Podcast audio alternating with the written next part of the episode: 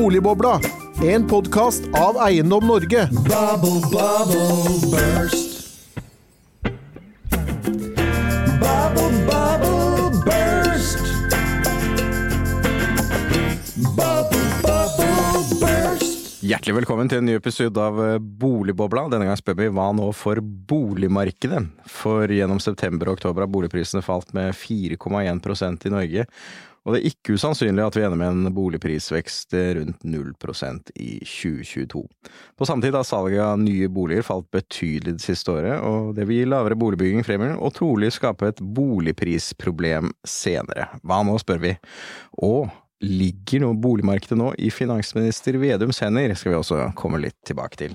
For å få oss gjennom dette utmerkede temaet, så har vi fått med oss noen spennende gjester. Administrerende direktør og styreleder i Eiendom Norge, Grete Meier. Hjertelig velkommen til deg. Tusen takk. Privatmegleren, må vi også si. Eh, og også medlem av Eiendom Norge, rådgiver, er det det du kaller deg nå, Mikkel? Det er nok det. Ja. Hjertelig velkommen til deg. Takk skal du ha. Og hjertelig velkommen til deg, Henning Lauritzen, direktør Takk, i takk. Eiendom Norge. Takk, takk. Det var flott eh, ny vignett her. Ja, vet du du må, du må jo med en gang fortelle hva det er for noe. Ja, det er Jon meg en låt jeg har laget. Bubble burst. Ja, nei, den, det ble jo urframført på, på Arendalsuka, så med brask og bram. Og jo, men nå er den tilgjengelig på det, global distribusjon. Fantastisk, Så den, fantastisk. er- den skal vi ta og legge ut på en liten lenke også. Med det. Sanger om boligmarkedet Det er utrolig hva man kan få til under pandemien. Ja. Men Henning, eh, Boligboplass sprakk ikke helt ennå. Men det var ikke, det var ikke altså, gode tall du la frem i går. Det har jo vært sånn at eh, boligmarkedet har vært overraskende eh, sterkt veldig lenge i år. Og eh, selv om Norges Bank har drevet og satt opp renten, så har prisene, sånn som i august f.eks., gått kraftig oppover. Og, og det har nok sammenheng med at tilbudet har vært lavt, sånn at konkurransen om hver bolig har likevel vært stor. Men i september så snudde det. Da var det plutselig et stort tilbud. Og, og prisene gikk jo mye ned, og, og det fortsatte nå i oktober med en prisnedgang på 1,9% Og her, her er det rett og slett eh, det store tilbudet som, eh, som eh, kom opp, som har gjort at det skiftet kom, og da kom det både sent og litt kraftigere enn det antagelig ville gjort hvis det hadde kommet over noe lengre tid. Ja, for Hvis vi ser litt altså 2022 under ett, så, så var det jo veldig veldig sterk boligprisvekst i januar, i første halvår og i august. Ja, altså, første, første kvartal var det sterkeste i boligprisstatistikkens historie, og, eh, og på mange måter så var jo det ganske merkelig når Norges Bank eh, ikke bare hadde begynt å sette opp renten, men også varslet at den skulle gått oppover etter ettertid. Eh, Og da vi, da vi sa utgangen av august, så hadde boligprisene i Norge altså steget over 9% som jo er veldig sterkt i en periode hvor renten går oppover. Så, så, så du knytter altså først og fremst utviklingen nå til at renten begynner å, begynner å slå inn og få effekt? Ja, jeg, jeg mener at eh, det er først og fremst renten, og så, eh, så, så blir på en måte virkningen ganske konsentrert i og med at man har holdt igjen en periode hvor boligprisen antagelig skulle begynt å tikke litt nedover tidligere. Så kommer alt ganske konsentrert. Grete, eh, hva nå for boligmarkedet, spurte vi. Ja, Du, du er kanskje den beste til å svare på det, jeg vet ikke?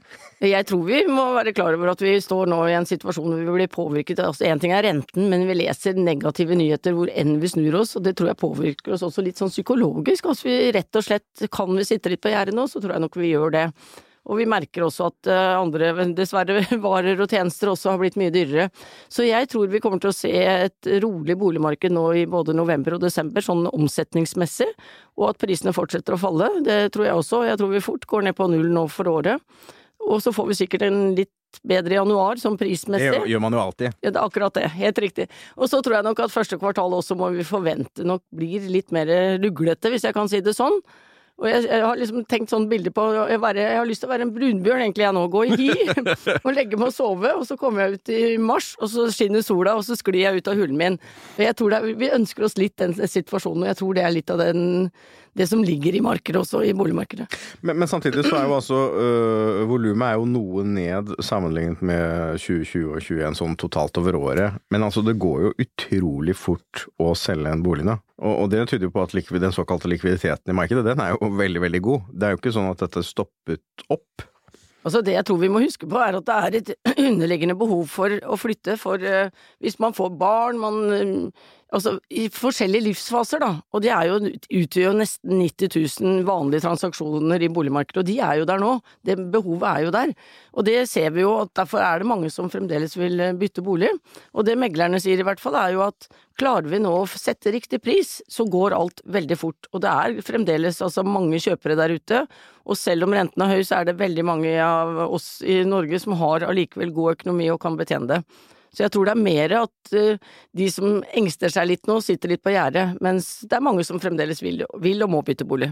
Men det er vel dette som er eiendomsmegling, er det ikke det? Det er nå meglerne det er et godt spørsmål. Jeg skjønner du liksom prøver deg litt mot oss nå, men det meglerne sier nå er at nå får vi endelig vist uh, håndverket vårt, og det liker de. Så nå må du, ikke sant, har du én budgiver, så må du faktisk jobbe med selger, og så må du se hva det er mulig å få til. Eh, de to siste årene så har vi nesten vært å bare formidle boliger. Mm. Så sånn sett så tror jeg vi at boligmarkedet har gått av en liten korreksjon, det er det ikke tvil om, men det er alltid litt ubehagelig når du står midt i det. Men, men det er mange historier om mediene om folk som ikke sier at de ikke klarer å selge og bruker veldig lang tid, men de store tallene tyder jo på at det går ganske fort, så, så den matchingen på pris, den må jo folk på en eller annen måte klare i de aller fleste tilfellene?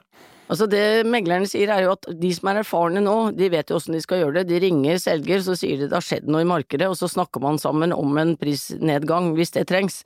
Men er du akkurat helt ny og fersk nå, så tror jeg kommer, er det ganske tøft å komme ut i boligmarkedet. Så jeg syns litt synd på de nyutdannede som nå ikke har et så stort kontaktnett også. Mm. Men jeg er helt enig, det, det, aller, aller meste går, og det tror jeg det kommer til å fortsette å gjøre. Jeg tror bare at volumet går litt ned, for de som ikke må selge nå, tror jeg nok venter nå lite grann. Mm. Men Mikkel, altså det er vel få jeg kjenner som har, som har drevet eh, jobb som eiendomsmegler så lenge som deg, om man får lov til å si det. Tusen takk. Nei, men altså, da, da jeg ble kjent med deg, så fortalte du om hvordan det var å være eiendomsmegler da var det 1988, kan det stemme? Da ja, du begynte? Ja, jeg begynte i 85, ja. 85, ja. Mm. Så, så, du har jo erfart mye. Men, men uh, nå har vi jo liksom sett på bruktboligmarkedet her. Det du driver med, er jo nyboligmarkedet. Ja. Det er vel kanskje nyboligmarkedet som merker mest når det skjer et sånn type skift, brått skift, som det vi har vært vitne til nå. Ja, på sett og vis så gjør det det. Eh, fordi det, det å kjøpe en eh, ny bolig, eller en, som skal oppføres, det gjør man jo da to og et halvt år før man kan flytte inn. Og det er klart at det, det er jo for det første er det jo lett å utsette den avgjørelsen uh, hvis, hvis, du er litt usikker på hvordan det ser ut uh, fremover. Uh, men så er det jo veldig mange som hva skal vi si, Det bygger såpass lite i enkelte områder at når det dukker opp et nyboligprosjekt, så er det veldig mange som kjenner sin besøkelsestid. Som er interessert likevel. Ja, så, så, du kan si at nyboligmarkedet er Det er så mange påvirkningsfaktorer i, i, i det markedet. Det, det, ene er jo selvfølgelig tilgangen på, på boliger som er det vesentlige. Eh, og så er det jo også kostnadssiden, altså for eh, hva det koster å, få bygget og satt opp en ny bolig. Uh, og så er det jo den psykologien som vi har vært inne på. Uh, og så er det jo bruktmarkedet som uh, hva får folk for boligen de, de, har i dag. Og så vet de ikke helt hva de får om to år. Så, så det, det er noen av de punktene, da. Så, men, eh, men, vi ser i hvert fall, hvis jeg skal bare ta opp Vi, vi registrerer jo alt som selges og legges ut av eh, nye boliger i Oslo og tilliggende kommuner. Dvs. Si fra Drammen til over til Ski. Eh, det såkalte Viken. Ja. og opp til Jessheim, og med Oslo.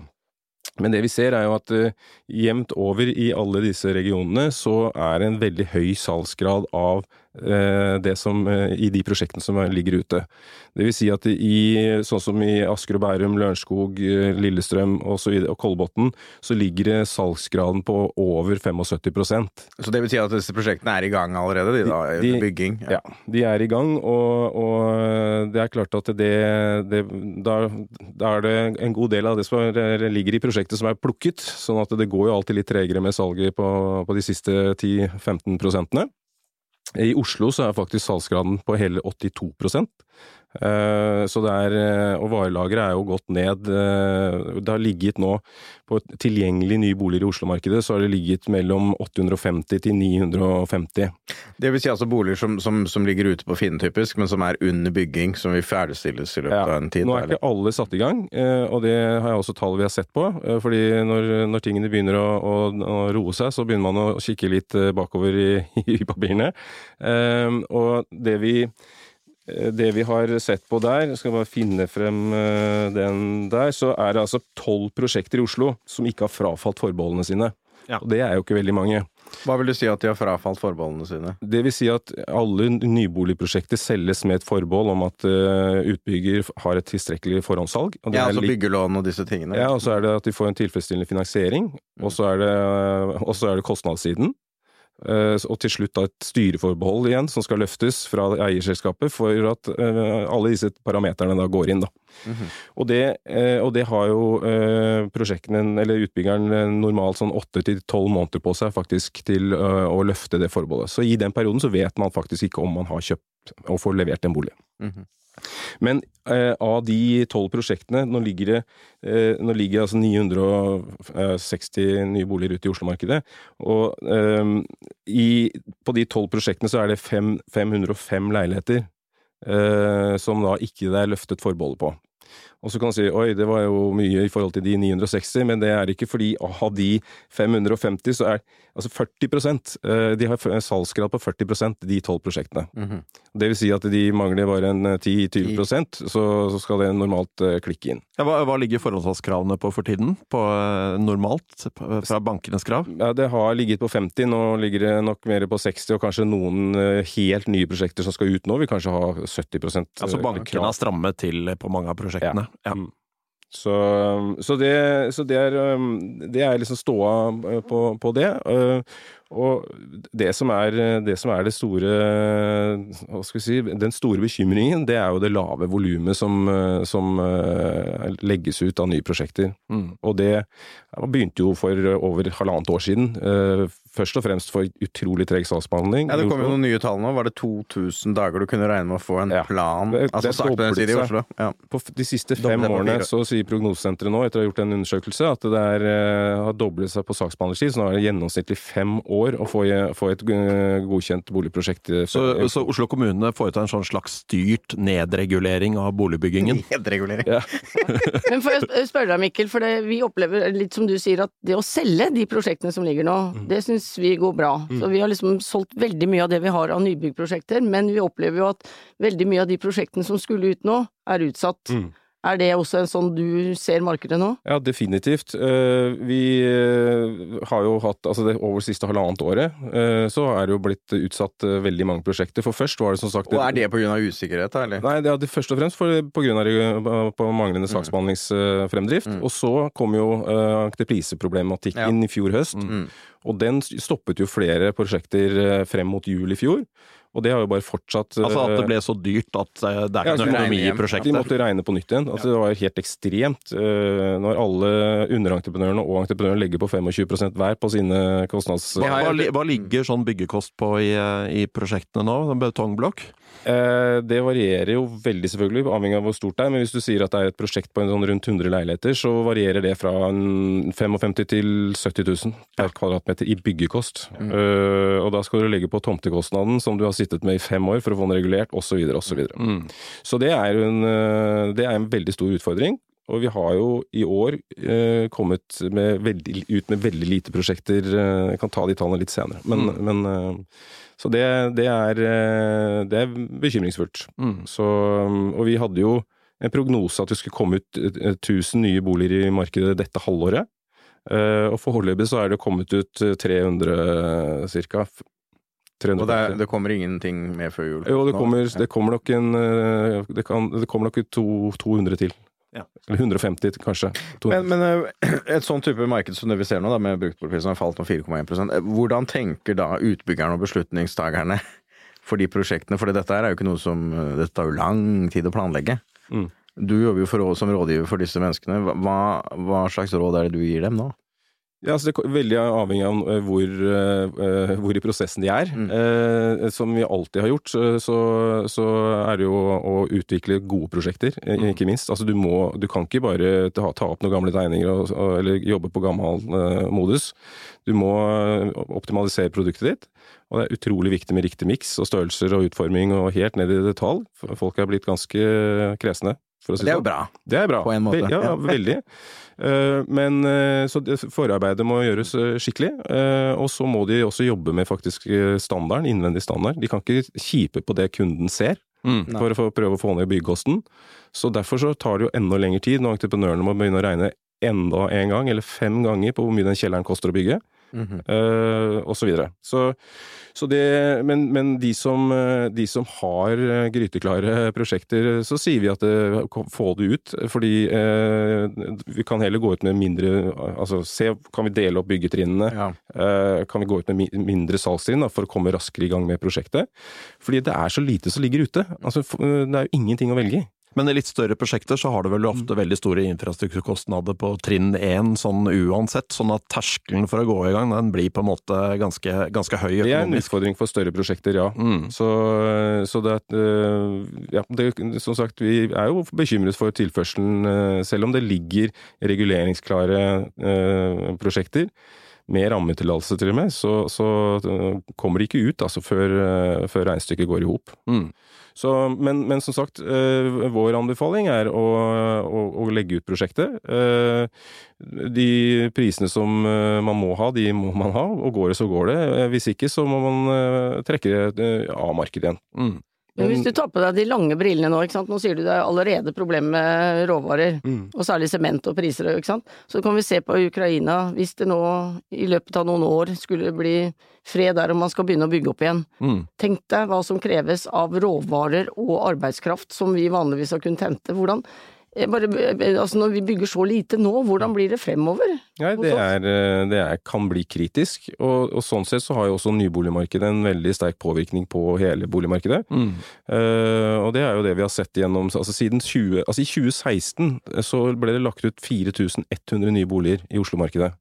Uh, I år så kom vi kanskje opp på 1500. Ja. Uh, og det, det som er litt kritisk, det er siden 2017 så er det bare lagt ut i snitt nå 1700 nye boliger i over fem år. Mm. Eh, Og behovet er i hvert fall 3000, kanskje.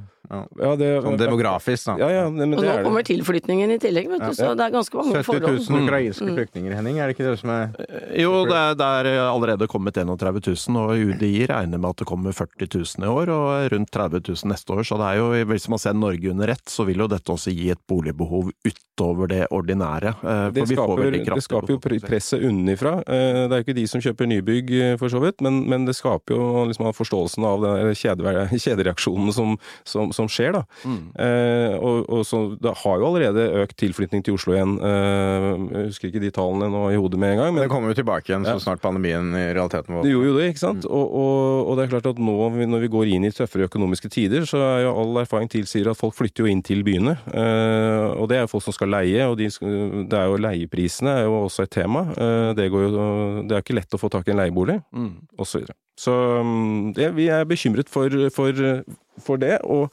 og da i, i et litt lengre bilde så, så er det klart at uh, det er ikke noe å bekymre seg for hvis man har en, en solid økonomi, altså en jobb som man uh, stoler på at ikke Vedum skal ta fra det.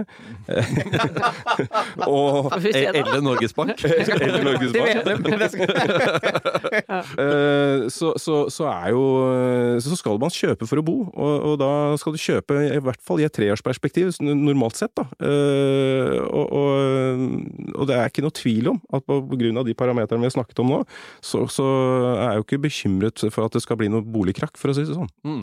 Men, men altså, hvis vi går og ser litt fremover da, på bruktboligprisene. Eh, nå har vi sett et fall på 4,1% så langt. Eh, kanskje vi ender på null eh, i år, da, eh, over året. Hvor skal vi i 2023? Det er, jo, eh, det er jo veldig stor sannsynlighet for at eh, så lenge Norges Bank setter opp renten, så, så kommer vi til å se et, eh, en svak utvikling i bruktboligprisene. Og så blir jo en, en viktig joker hvordan renten virker både på arbeidsledigheten og på næringslivet. For, for, for det er jo det veldig stramme arbeidsmarkedet vi har nå, er jo med på å dempe effekten av den, eh, eller virkningen av den effekten renten har på boligmarkedet. Men, eh, men jeg, jeg ser vel litt for meg, eh, som, som Grete, at det kommer et sånn vendepunkt på et eller annet tidspunkt neste år. Jeg tror nok kanskje ikke det kommer i mars, men Men kanskje et eller annet tidspunkt etter sommeren ser jeg vel for meg. Men jeg tror neste år blir også et sånn svakt år i boligmarkedet. Men er det bare jeg som kjenner litt på nå om de har dratt litt for hardt i håndbrekket?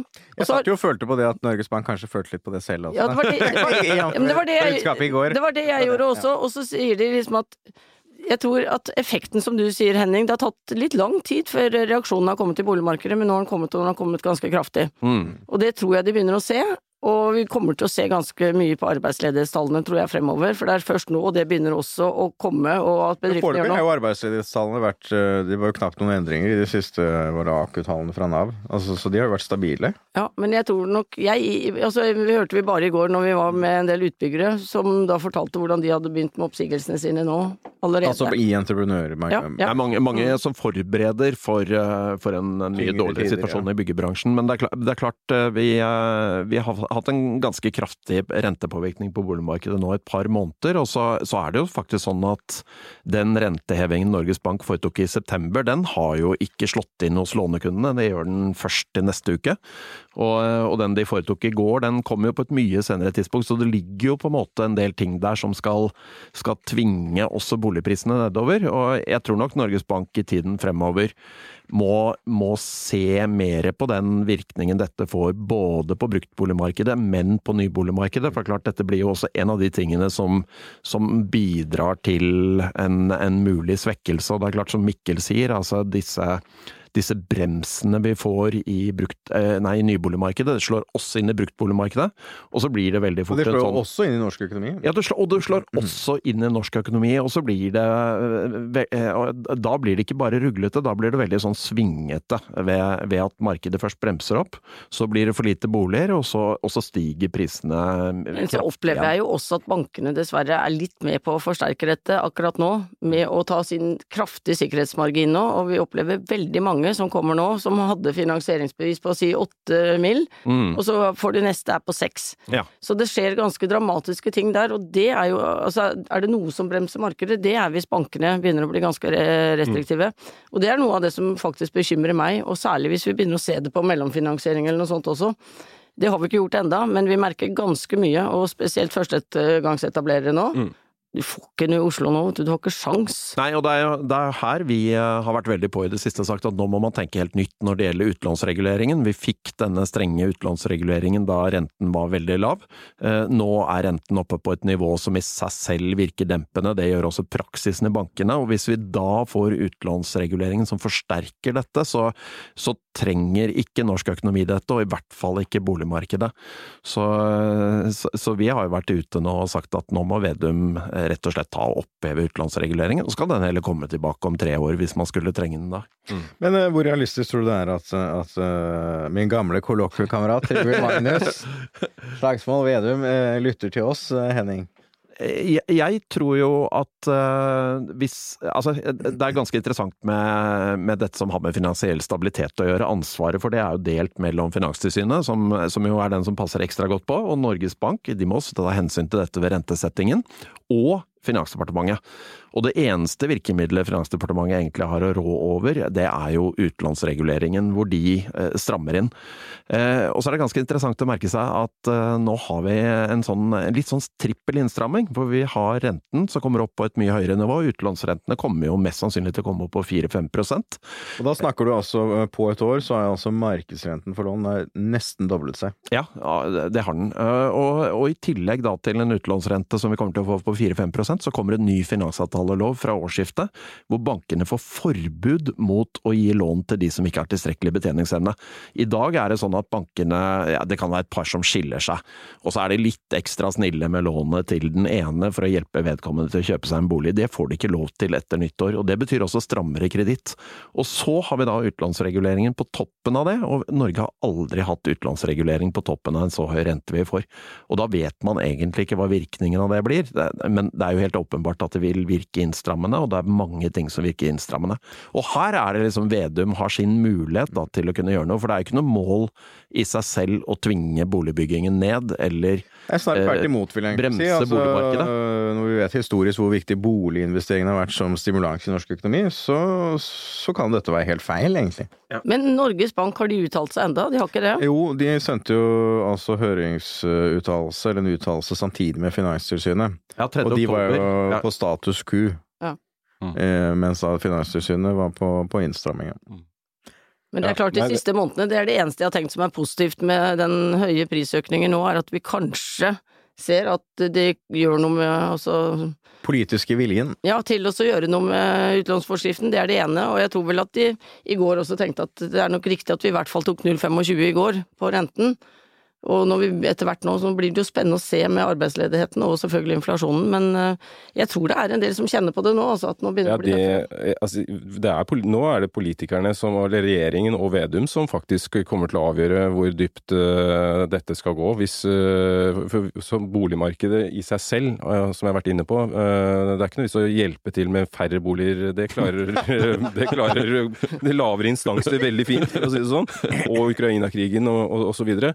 Men, men det er klart at eh, vi har jo allerede også merket det samme, om at bankene på grunn av den usikkerheten nå, og det vakuumet som vi sitter i, fra eh, Finanstilsynet kom med den varselet om at de mente at man skulle stramme inn. Det vil si altså legge på 5% risikovurdering på den, la oss si, og 4,5% boligrente, så skal du tåle 9,5 Mm. Eh, og så trekker jo, det vet jo dere også, at de trekker jo av på meglers eh, vurdering på den boligen du har òg. Mm. Tidligere så var det kanskje 10 nå har jeg hørt 20 Så, så at de, er blitt sånn overnervøse, er mitt inntrykk da, i en del banker. Eh, og derfor så sitter vi i et vakuum akkurat nå. Eh, og så var det en veldig positiv eh, nyhet, syns jeg, om at eh, Norges Bank har, eller fikk med seg at nå må vi bare øke med 0,25 for å markere at vi, vi, vi, kan, vi ser for oss at vi kan begynne å avrunde. Eh, og vi følger nøye med, for jeg var livredd for at ikke de eh, har fått med seg det, i hvert fall vi Jeg jeg var får høre. positivt overrasket. Ja, og vi, altså jeg, alle jeg snakker med i forskjellige bransjer, alt fra kjøpesentereiere til, eh, til altså, håndverkere til osv., alle har merket at de ikke har de samme, den samme pågangen lenger. Mm. Eh, sånn at det, det har allerede justert seg eh, kraftig, er mitt inntrykk. Og, og det er jo litt sånn når du ser tilbake på, i tid, eh, på når markedene har eh, altså, gått den andre veien, da. Eh, så tilbake igjen til eh, 2013, nei, til finanskrisen, så merket jo i hvert fall vi i markedet, og det har vi gjort denne gangen òg, tre, fire, fem måneder før eh, tingene begynner å komme i media, har vi merket at ok, nå begynner det å bli færre og færre interessenter, men det selges fortsatt eh, greit. Mm. Eh, og det kommer gjerne etter en lengre periode med prisstigning. Så, så tar markedet seg en pause, for de lurer på er, er dette bærekraftig. Eh, nå må vi holde an litt, nå syns vi ting er blitt for dyrt. Og så kommer da Baltersen eh, et halvt år etterpå og så strammer inn. Så man, jeg er så redd for at man blir liggende på etterskudd, da. Eh, så, så denne gangen så håper jeg de virkelig tar inn over seg at eh, man ikke går strammere til nå på, på utlånsbetingelsene. Ja, det blir jo en sånn del av Vedums venneprøve som finansminister å håndtere denne delen av norsk Han har jo hatt økonomi også på en god måte. svenneprøver allerede, da. Ja, det blir, ja, ja nei, men, men, men dette er også en ganske viktig del av, av, av markedet. og det er klart den finansielle stabiliteten den påvirkes veldig av hva som skjer i, i boligmarkedet også, så her har han en fin oppgave. Men, men la oss gå litt mer inn på den finansavtaleloven. Altså, det er vel nesten eh, altså en, en game changer for kredittgivning i Norge? Jeg tror det vil variere veldig mellom bankene hvilken virkning dette kommer til å få. Fordi bankene har jo ulik eh, kredittpraksis. Eh, Noen er veldig forsiktige, andre, andre har lagt seg litt nærmere, nærmere grensen. Men, men i alle de siste tilfellene, og antagelig ganske mange sånne enkelttilfeller, så kommer dette til å bety at folk som får lån i dag, og har fått lån historisk, de kommer til å få et avslag. For virkningen for banken av at de gir lån i strid med forbudet, det er at banken må da bære det tapet Fordi at det, som sånn, i, I praksis i dag så, så vil jo da banken kunne si nei, vi mener dette bør du ikke ta, vi fraråder deg til å ta dette lånet, du ligger, det er liksom for mye for deg. Ja. Det vil du si i dag, men du ville likevel få det, vil banken si nå, ikke sant? Ja, det, noen, noen banker vil si det, og, og noen banker vil si det i enkelttilfeller. Ja. Og det er jo da Det er jo litt vanskelig å ha en oversikt over Det er egentlig ingen som har det, hvor stor virken, virkningen vil bli. Men, men, det som- poenget er jo det at nå vil du da tvert få avslag, er det ikke det da? Jo, jo det, vil du få, tilfelle. det vil du få, og det jeg tror bankene vil gjøre i sin kredittpraksis når regelen kommer, det er jo at de vil passe på å holde seg litt Altså et, et godt stykke under den grensen, i og med konsekvensen ved å overskride den er ganske stor.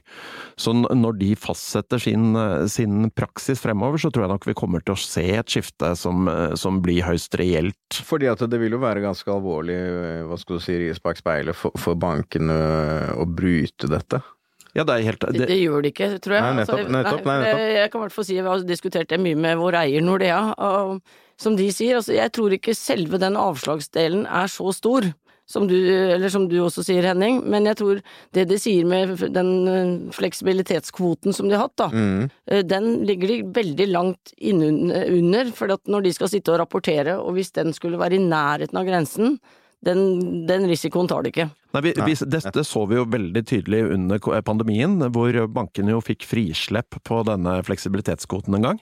Og for Norge så gikk man ikke over den grensen man hadde en gang, det var bare Oslo man gjorde det. Og det viser jo at man er forsiktig Mm. uh, med, å, med å begi seg langt oppover, uansett. Så altså det man kanskje kan se for seg her, er at uh, inntil på en måte en praksis er etablert, så vil man være mer forsiktig enn det lovverket kanskje egentlig eh, i realiteten legger opp til. Ja, og så tror jeg det er som du sier, Mikkel, i tillegg da nå, for at nå vil de jo være forsiktige, og det forstår vi jo alle, men ikke sant, og da, når de da får da verdivurderinger av oss, som fra meglerapparatet som sier at denne boligen er verdt 10 mil, så trekker de av 20% som du sier, for å ha en risikomargin, og så beregner de da for 8 millioner, og så tar de i tillegg og trekker ned. Så det er klart, nå blir eh, det å få finansiering til å dekke er betydelig vanskeligere, og krever jo at du har en helt annen egenkapital hvis du skal komme deg inn. Så det er klart, eh, vi er nå, som du sier, i vakuum, men det er i hvert fall en helt annen situasjon enn det vi har hatt tidligere. Norges største etableringsbank, Foreldrebanken, kommer til å bli enda viktigere eh, fremover. Det er ikke så sikkert at Foreldrebanken har så mye mer å gå på heller, eh, tenker jeg. For de har jo også,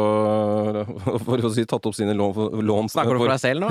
Nei, nei men, jeg, men, det, det er jo reelt. eh, Ja, det er- det ser er du av statistikken. eh, At eh, seniorer tar jo også opp lån, ikke sant. Sånn at, Ja, De eh, som tar opp lån. Ja, ja, det er det, faktisk. Så, Men også har vi investert mye. Jeg tror veldig mange som er foreldrebanken nå, har jo investert i mye hytter og hatt anledning til det, og satt mye av pengene inn i annen eiendom igjen.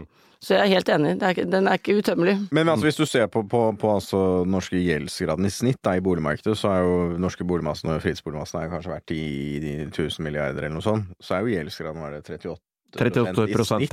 ja. Så du kan jo si sånn, i, i, i stort så er jo det norske hva skal si, bolig- og eiendomsmarkedet eh, veldig solid.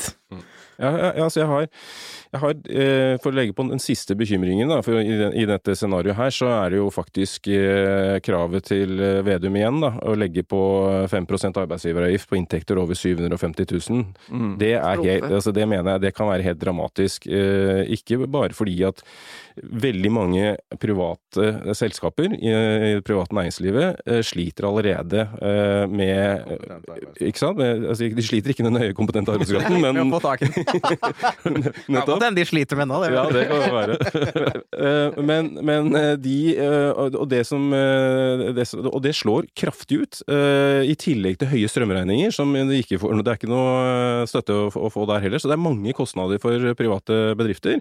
Og eh, som de første omgang. Tror jeg kommer til å si, resultere i at eh, arbeidstakerne får ikke den lønnsøkningen som sjefsøkonomene sier at jo, jo, men det går fint med renteøkningen fordi eh, nå får jo folk 4,5% lønnsøkning. Nei, jeg er ikke så sikker på det.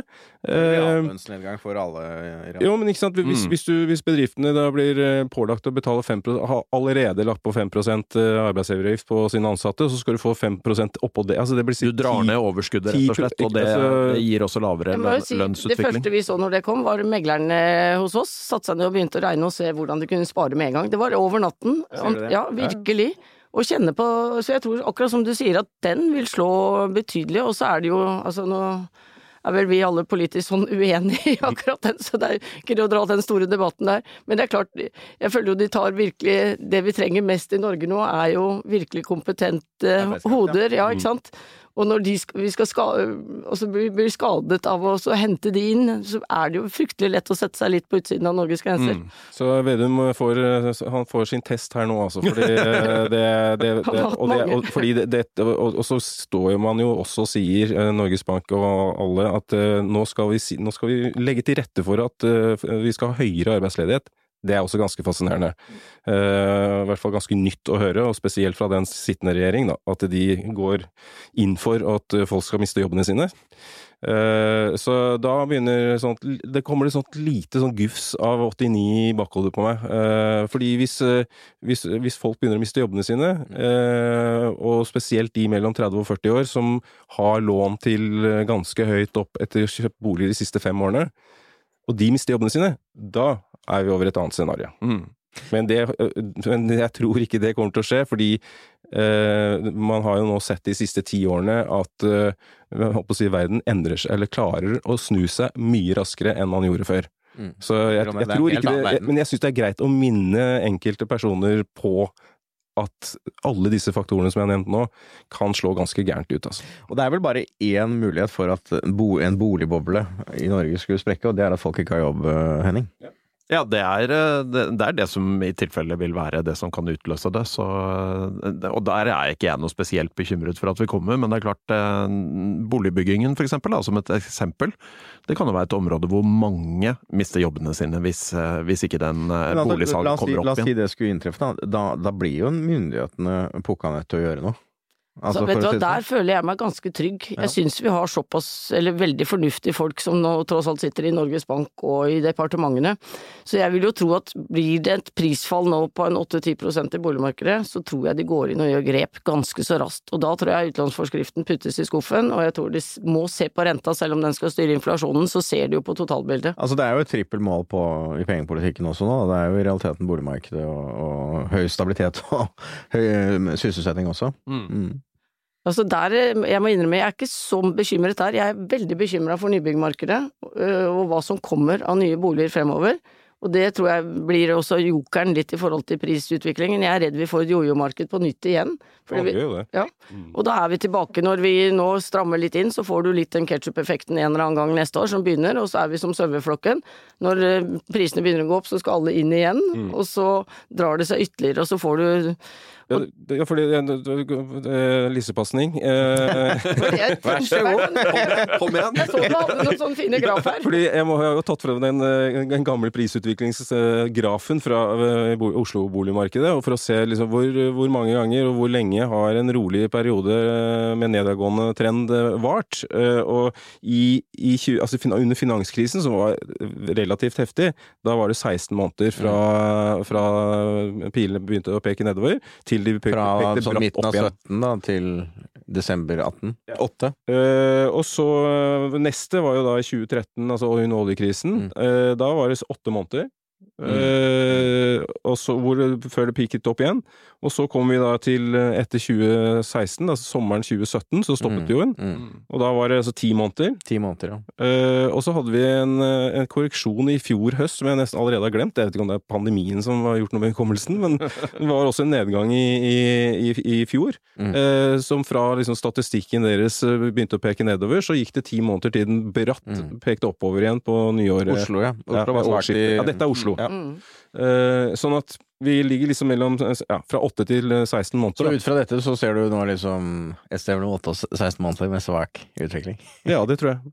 Men igjen, at det er på grunn av den lave at- At det, hvis det kommer så få prosjekter ut som, som man frykter, så, så er jeg jo ikke noe redd for boligprisene uh, i, det, i det perspektivet, altså om 68 måneder Mm. Og fremover, tenker Men, jeg. men skaper ikke en sånn situasjon som dette er også hva skal du si, muligheter for, for dine kunder med å øh, prute på leverandører?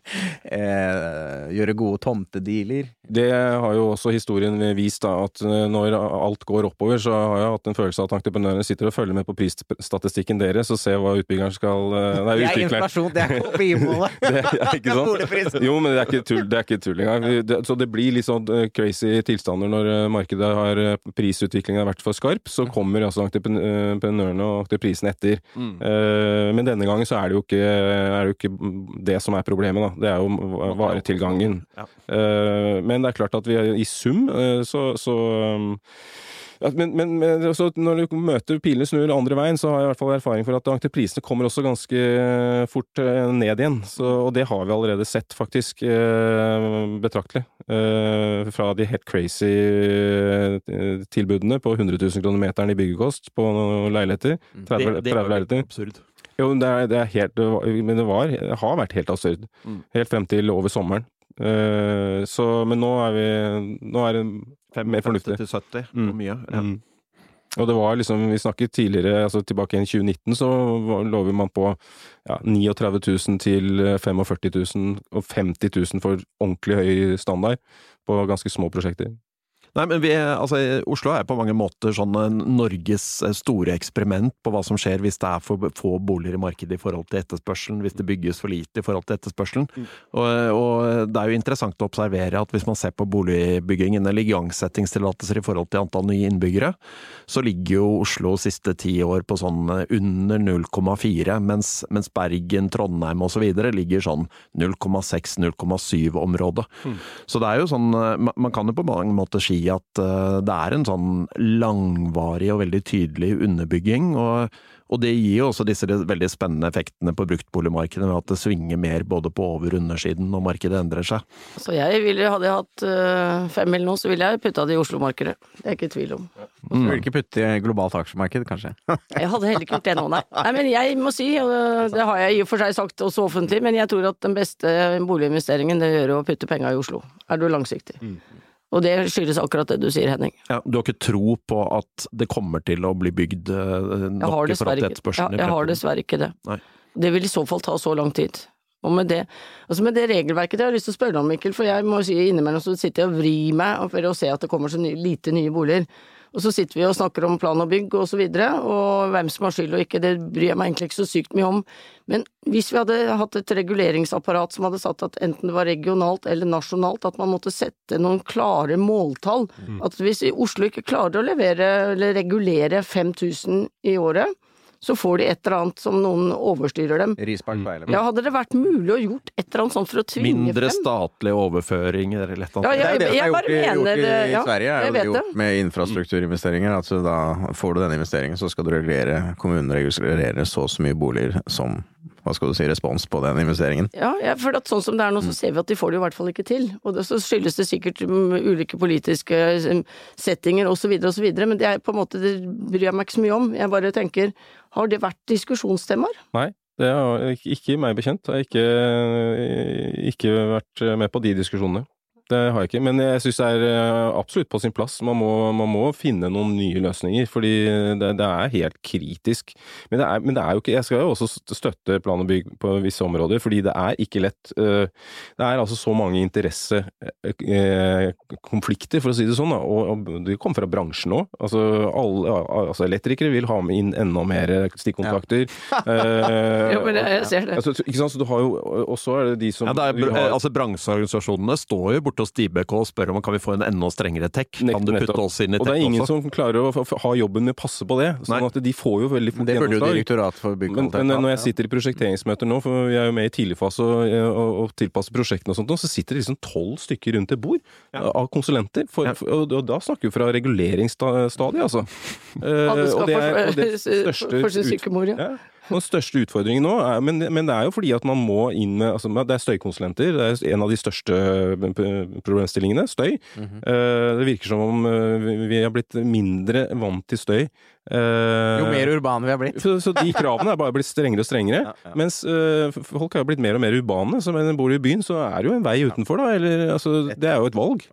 Eh, Så det er jo en veldig stor utfordring. Og så er det dette med med, med klima og alt skal og øh, Bærekraft, bærekraft, øh, det koster, og så videre og så videre. Så, så det er mange, mange hensyn å ta, da, øh, som, som går på eh, som, som forlenger den fristen. Og så er det da sånn som Plan og bygg har eh, kommer jo som regel da med sine egne De sitter og tegner ut sine egne forslag etter at utbyggere har sittet og brukt masse tid Det med må disse vel kanskje tollene. sies å være det største problemet. Og det, Altså, det er klart det. Så de har sine egne perso eller kall det personlige meninger på hva som er bokvalitet, og den kan du jo ikke ta de på, ikke sant. Det er eh, ja, det går jo på lysforhold og støy. Det er jo de to største utfordringene ved å utvikle prosjekter som tar. Mm. Men det er en annen podkastepisode, folkens. Det er det. Nå, nå løper tiden vår. Eh, vi må jo alltid ta vår siste spalte, det er jo din første bolig. Dere har jo vært der før. Så bør du kanskje ta din siste bolig. Eh, Mikkel, din siste bolig. Det er Det vet jeg ikke hvilken det er, gang. eller- Nei, det vet jeg ikke. Det blir aldersheimen, men der hvor du bor nå, da. Ja, ja. Nei, det, er altså det jeg Det var kanskje i første bolig òg? Nei. Ja, faktisk. For jeg bor i mitt gamle barndomshjem. Fantastisk! Det er, veldig bra. det er veldig bra.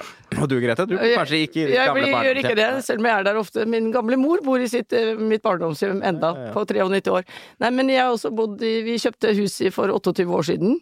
Og apropos når vi snakker nå om eh, Vi skulle egentlig pusse det opp til neste år, men eh, fordi at markedet har blitt som det har blitt, så fikk vi håndverkere inn, så vi har begynt oppussingen nå. Så det viser jo litt om tilgang til eh, den type arbeidskraft akkurat nå.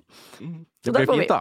Det blir kjempefint. Og nei da, vi, jeg, jeg er en av de få som da ikke er inne på Finn og drømmer i det hele tatt. Jeg, jeg drømmer ikke om okay, noe så, annet noen så det gang. boligen din den så ut sånn som den så ut som for 28 år siden? Er det det. Da har vi to representanter fra en bransje som driver med å flytte på folk, men vi er så slitne av det når vi kommer Dere- dere ikke, er flyttet. La oss bare er veldig, og der bor vi. Det er veldig godt. Ja. Nei, men eh, hjertelig takk, Mikkel og Grete. Henning, eh, vi er tilbake med nye episoder av Boligbobla før vi tror av det. Takk for denne gang. Boligbobla, en podkast podkast av Eiendom Norge. Bubble, bubble, burst. Bubble, bubble, burst. Bubble.